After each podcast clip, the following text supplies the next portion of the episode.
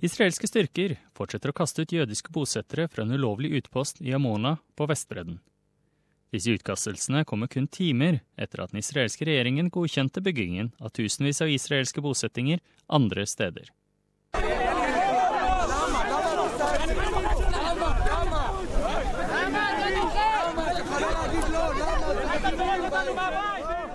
Hundrevis av demonstranter kastet stein mot ubevæpnet politi og satte fyr på dekk og søppelhauger idet nybyggeren ble tvunget ut av sine hjem i den uautoriserte utposten Amona.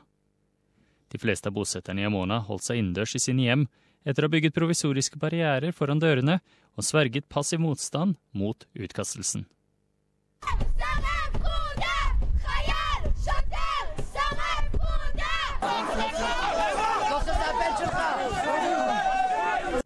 Ropte demonstrantene. Demonstranter ble arrestert, og noen politifolk ble skadet. Rundt 330 israelske bosettere har bodd i Amona, det største av en rekke utposter bygd på Vestbredden, uten israelsk autorisasjon. Israels høyesterett avgjorde i 2014 at Amona må rives fordi det ble bygget på privateid palestinsk land. Høyesterett satte 8.2 som endelig dato for fjerningen og destruksjonen av bosettingen. Mens palestinske landeiere som Issa Sayed nå kan få landområdene sine tilbake, er de ikke nødvendigvis fornøyd med prosessen det har blitt gjort på. They leave this settlement but are preparing nearby Palestinian lands to transfer the settlers. This is no solution. We want them to leave all our lands for good, not to move their homes from Isa's lands to Muhammad's. We want to be able to access our land and use it again. Politiker Oren Hassan fra Israels regjerende Likud-parti sier han håper at vold ikke kommer inn i bildet.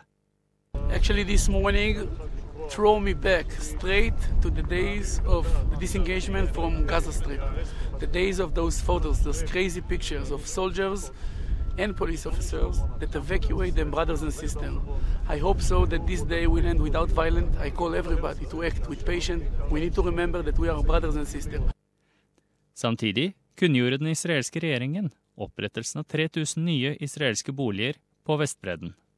Det er den tredje slike erklæringen i løpet av de elleve dagene siden USAs president Donald Trump trådte inn. President Trump har indikert at han er mer sympatisk til slike prosjekter enn sin forgjenger Barack Obama. Hanan Ashrawi, et komitémedlem i Palestinian Liberation Organization, sier byggingen av flere israelske boliger kan signalisere slutten på tostatsløsningen for fred.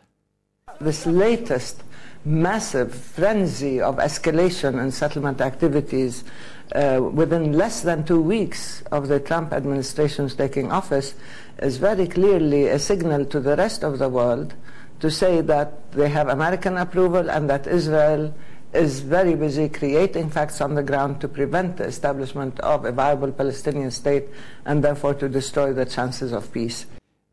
Men tidligere israelsk justisminister Yossi Beilin har fortalt Al Jazeera at han er sikker på at de ikke vil sette tilbake fredsarbeidet.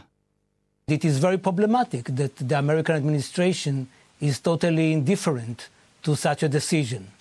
But if you ask me whether this is something which is going to prevent us from implementing in the future a two state solution, no, my answer is not, because in the worst case scenario, what will be done is to put uh, at least uh, a, a, significant part of the settlements under the future Palestinian state, so that the Israeli settlers who would wish to stay there will do it as uh, Israeli citizens, but as Palestinian residents who obey the Palestinian law. Denne saken er laget av Lydia Feng. Du hører på SBS norsk, og jeg er Frank Mathisen.